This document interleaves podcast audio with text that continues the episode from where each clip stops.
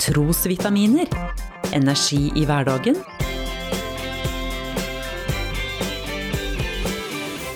Ved Norea-pastor Svein Anton Hansen. Å forsone noen er ikke bare et bibelsk uttrykk, men gjerne også ord som tilhører hverdagsspråket vårt.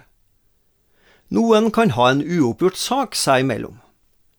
Men etter samtaler, eller i noen tilfeller forhandlinger, så kommer partene overens, legger stridsøksa ned og blir forsona.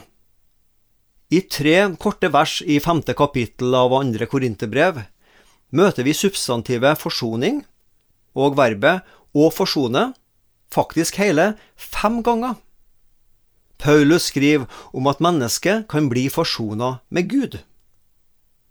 Andre Korinterbrev 5, 18-20.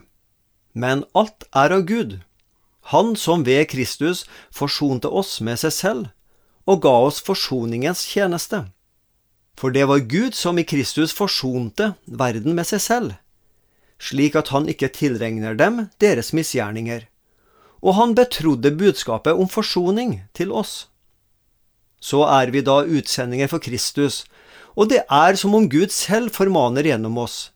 Vi ber dere på Kristi vegne, la dere forsone med Gud.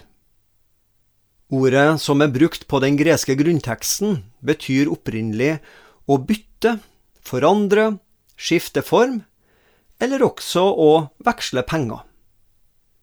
I overført betydning, som Paulus da bruker det, Uttrykket forsoning etter bytte, en forandring fra fiendskap til vennskap. Faktisk så er det kun Paulus som bruker dette begrepet i Det nye testamentet, og da i betydningen å bli forsona med Gud. Forsoning, det forteller en dyp og grunnleggende åndelig sannhet, at Jesus med sin død har gitt mennesket muligheten til å bli Guds venn.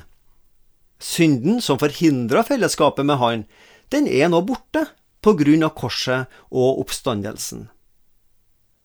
Den negative og mørke bakgrunnen for behovet for forsoning er at vi mennesker, på grunn av våre synder, er Guds fiender.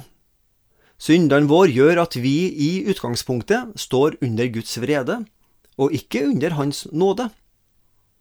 Vi er faktisk i desperat behov for å komme inn på trygg og sikker grunn, Guds nåde og vennskap. Veien og måten til å bli forsona med Gud kaller Paulus for å bli rettferdiggjort.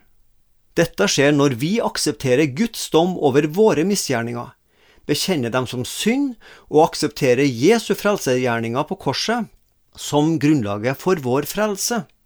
Da erklærer Gud oss som rettferdige for Han, og vi har blitt forsona med himmelens og jordens skaper. Du har lyttet til Trosvitaminer med Norea-pastor Svein Anton Hansen. Du finner trosvitaminer på noreapastoren.no.